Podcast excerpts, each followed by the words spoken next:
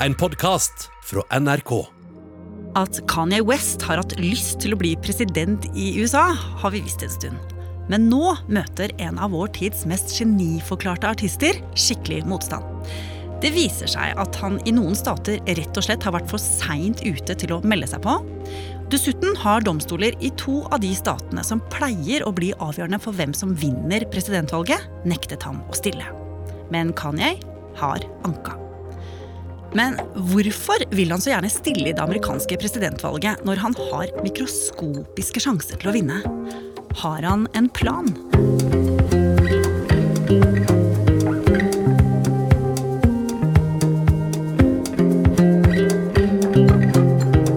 Du hører på Oppdatert. Jeg heter Ragna Nordenborg.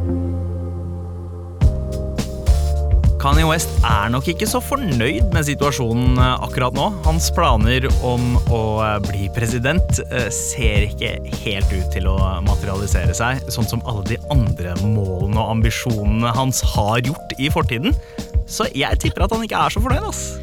Sandeep Singh er programleder i NRK P13, og så er han helt rå på popkultur.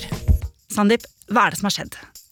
Det som har skjedd nå, er at eh, Kanye har blitt nektet ved dom å stille til valg i to stater i USA. Det er altså eh, Arizona og Virginia. Og eh, han er jo avhengig av å kunne stille til valg i så mange stater som mulig om det skal være mulig å vinne dette her. Men er du overraska over at han i det hele tatt er interessert? Vet du hva, Jeg er overhodet ikke overrasket, fordi Kanye er Kanye.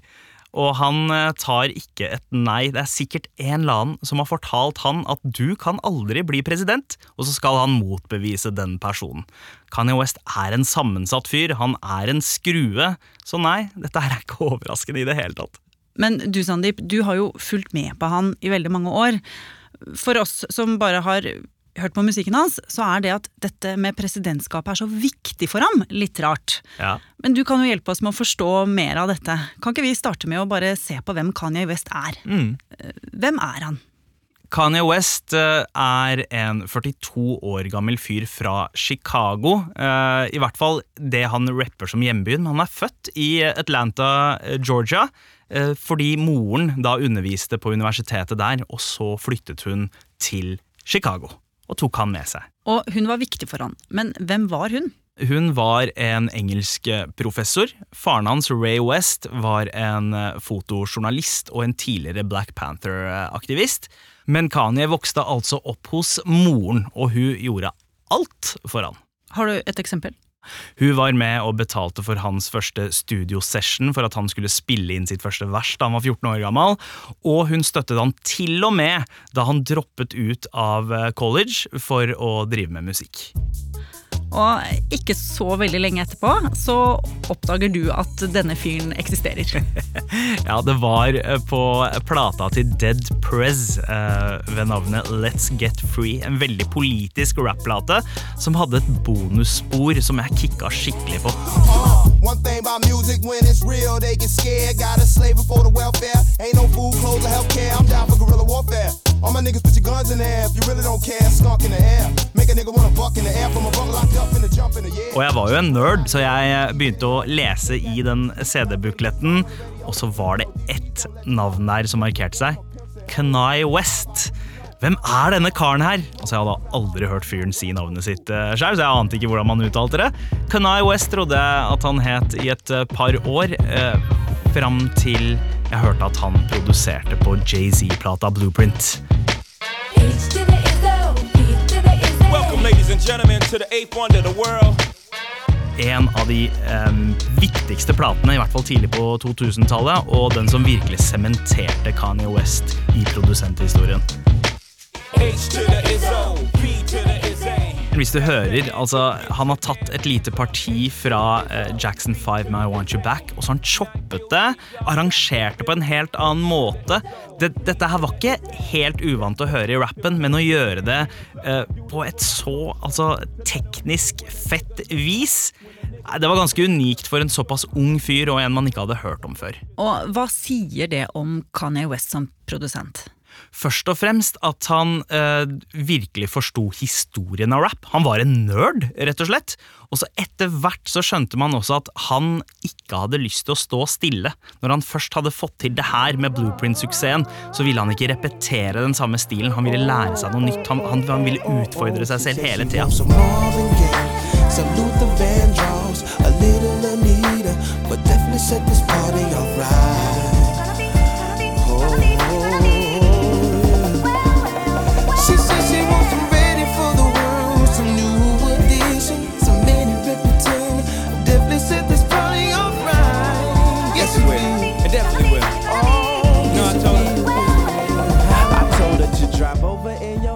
Stjernene strømma jo til. altså Han hadde allerede jobba med Jay-Z, men han fikk Cameron, Talib Kwali, Mos Def. Det var på det tidspunktet de aller største og mest kredible navna i rappen.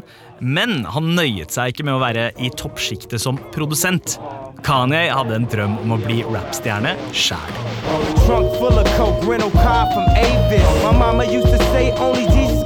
Well, mama, I know I act the fool, but I'll be gone to November. I got packs to move. I hope God show me the way because the devil's trying to break me down. The only thing that I pray is that my feet don't fail me now. And I don't think there's nothing I could do now to right my wrongs. I wanna talk to God, but I'm afraid cause we ain't spoken so long. Og denne låta her er jo Jesus Walks fra debutalbumet hans, College Dropout, som kom ut i 2004. Hva er det som er så spesielt med det albumet? I retrospekt så ser man jo at man blir jo kjent med eh, de fleste sidene av Kanyes personlighet allerede her. Du har eh, hangen til det religiøse, du har det at han bader i materialisme, og du har også den politiske aktivisten. Du har den lidenskapelige eh, personen som bare mener hver eneste stavelse han sier. I'm so self-conscious. That's why you always see me with at least one of my watches. Rollies and posses that drove me crazy. I can't even pronounce nothing past that for safety. Then I spent 400 bucks on this just to be like, you ain't up on this. And I can't even go to the grocery store without someone. Og som rapper så ble han ikke alltid tatt alvorlig til å begynne med. Han var aldri teknisk sett en dødsbra rapper, men han hadde en lidenskap som få kunne matche. Og College Dropout ble jo en gigasuksess fordi Kanye virka som den derre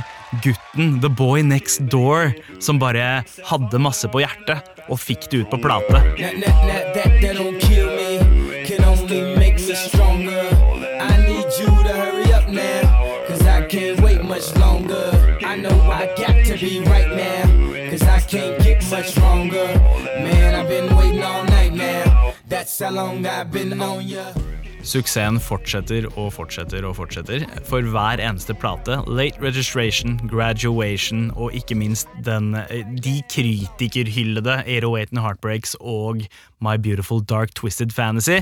Altså Kanye selger over 140 millioner plater. Han er en av verdens mestselgende artister, og ikke minst Grammy-vinnende artister. Over 20 Grammyer. For my theme song, black jeans on, my by any means on, part and I'm getting my scream on. Enter the kingdom, but watch it you bring home. You see a black man with a white woman at the top floor, they gon' come to kill King Kong. Suksessen har ingen ende. Men så får den et skikkelig knekk i 2007. Fortell. For det første så er Kanye midt i et eh, samlivsbrudd. Men for det andre, og kanskje det aller verste, eh, moren hans dør. Helt overraskende etter eh, plastisk kirurgi. Hun har eh, gjennomgått brystreduksjon og fettsuging, men eh, ender da opp med å ikke tåle det, eh, og dør dagen etter operasjonen. Og da knekker Kanye sammen. Ja. Donda West er en dame som han allerede hadde hedra masse på platene sine. Nevnt henne i så å si hvert eneste intervju han har vært i. Hun var hans mamager, momager, altså eh, mamma og manager. Og etter at hun døde, så har han også lansert eh, klesmerker etter hennes navn. Han skulle lansere TV-spill. Han skulle også eh, gi ut en plate som bare het Donda. Altså, moren hans er i absolutt alt det han tenker på og gjør. Og morens død gjør jo også sånn at man får et innblikk i en helt annen side av ham som person, en helt annen side eh, man er vant til å høre fra en rapper. Han blir sensitiv.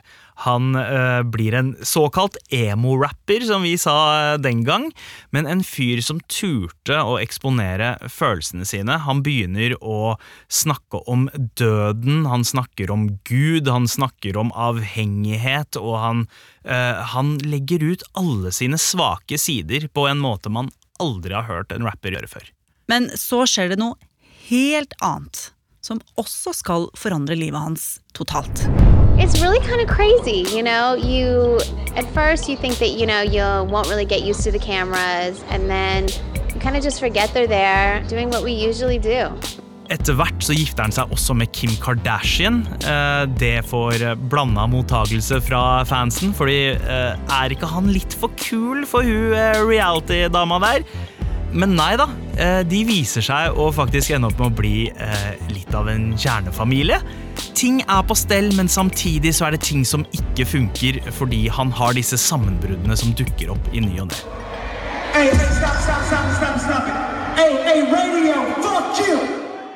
Og et av de mest eh, kjente sammenbruddene, det er at han rett og slett bryter sammen på scenen under en konsert. Jay-Z, call me, bro. You still ain't called me. Ja, han eh, anklager sin eh, tidligere bestekompis, mentor og samarbeidspartner Jay-Z eh, for å være en slange. Og eh, det har jo vært Det var jo en slags rivalisering. Du hadde Jay-Z og Beyoncé som power-paret på den ene siden, og så hadde du Kanye West og ikke fullt så like fete Kim Kardashian på den andre siden. Han følte seg kanskje litt uh, underlegen. Kanskje en følelse han har kjent på mye gjennom uh, karrieren. Dette sto han og ranta om på scenen, og som følge av det så ble han lagt inn på psykiatrisk sykehus. Og seinere, da han ble intervjuet av den kjente talkshow-verten David Letterman, så sier han jo at han har diagnosen bipolaritet. Å være bipolar, nå er ikke jeg noen ekspert, men det er at du har veldig veldig store svingninger i livet. Høyt, høyt oppe og veldig langt nede. Ja. Dette har han jo snakket om og vist i eh, stor grad eh, fra tidlig av i karrieren. Det er et intervju av han fra før han slo gjennom i 2002, der han rapper om at eh, mamma fikk høre at han var bipolar og hadde ADHD. Og plata hans Yay i 2018 hadde en liten sånn tekstgreie på coveret der det sto I hate being bipolar, it's awesome. Så det kom ikke som en veldig stor overraskelse, nei, at det var et eller annet der. Ja, ikke sant? Så Kanye West, mange ser på han som et av vår tids største genier. Han er øh, en følsom fyr, og dyrker ikke dette macho-idealet så veldig. Men han er også da rett og slett ustabil. Altså høyt opp og langt ned. Men dette med presidenttankene, når var det de meldte seg, Sandeep? Jo, det skjedde i 2015, da Kanye mottok en hederspris på MTV Video Music Awards, og han eh, droppa bomben om at han skal stille til valg i 2020. Presidentvalget, altså. Og dette her var før Donald Trump ble president, så det var ikke eh, Det var ikke like på en måte sirkusaktige tilstander i Det hvite hus. Så akkurat da så virka det totalt usannsynlig. Men nå som vi har blitt eh, kjent med Donald Trump, en reality-mann som president, så virker det plutselig ikke så unaturlig med en fyr som Kanye West i Det hvite hus heller.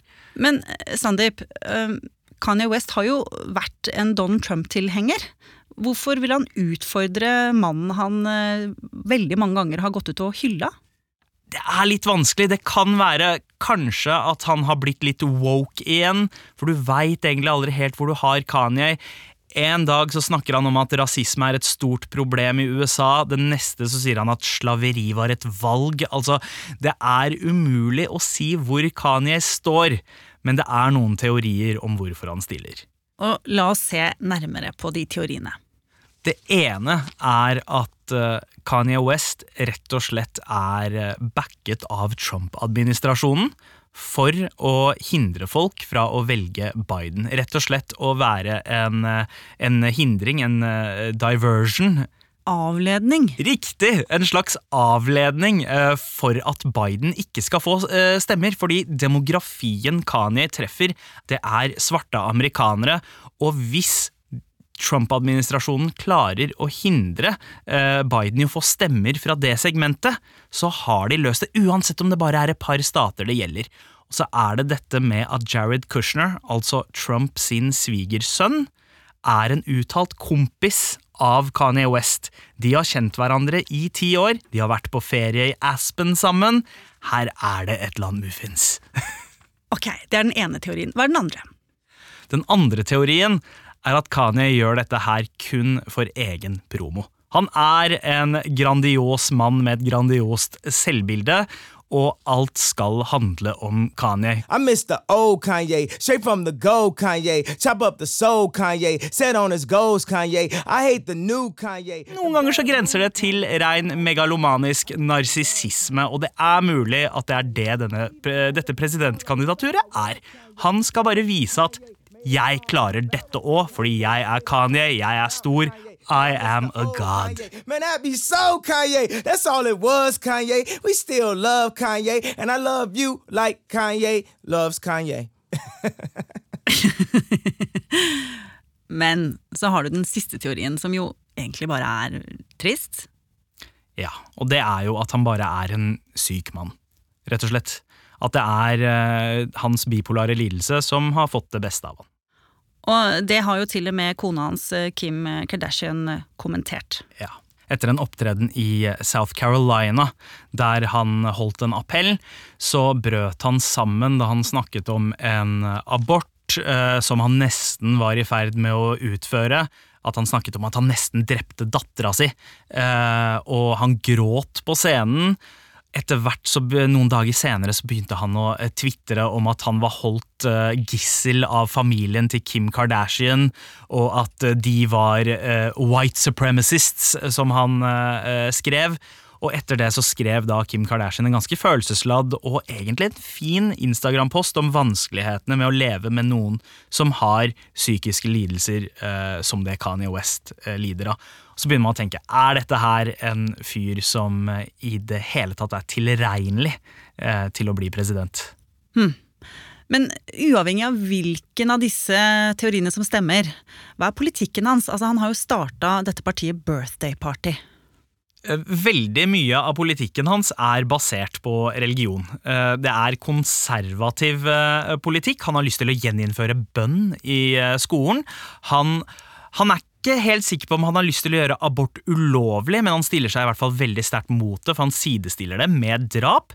Han har lyst til å fjerne dødsstraff og eh, rett og slett ha en reform i kriminalomsorgen. Det er det eneste han har uttalt seg om, egentlig. Han har sagt at han er veldig svak på utenrikspolitikk og skatt. Eh, men det er hovedsakelig eh, et kristent fundament i hans politikk, og foreløpig ganske vagt. Ok, tilbake til eh, der det hele starta, Sandeep. Kanye West han eh, kjemper nå for å få lov å stille i Arizona og Virginia. Men han er kanskje for seint ute i mange stater. Men han har blitt eh, godkjent som presidentkandidat i elleve stater så langt. Men holder det til å kunne vinne presidentvalget?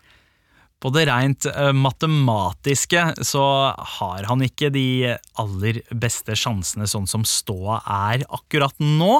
Han har uh, muligens anledning til å påvirke valget, men man veit jo aldri helt hva som skjer.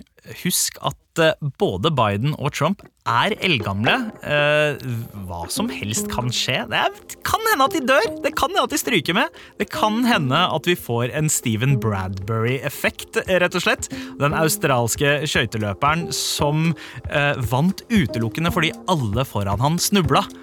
Tenk om det skjer med Kanye, ja!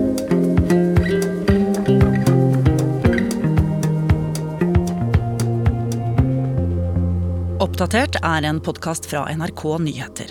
Og hvis du ikke vil gå glipp av neste episode, så kan du abonnere i appen NRK Radio. Bare søk på Oppdatert, så finner du oss.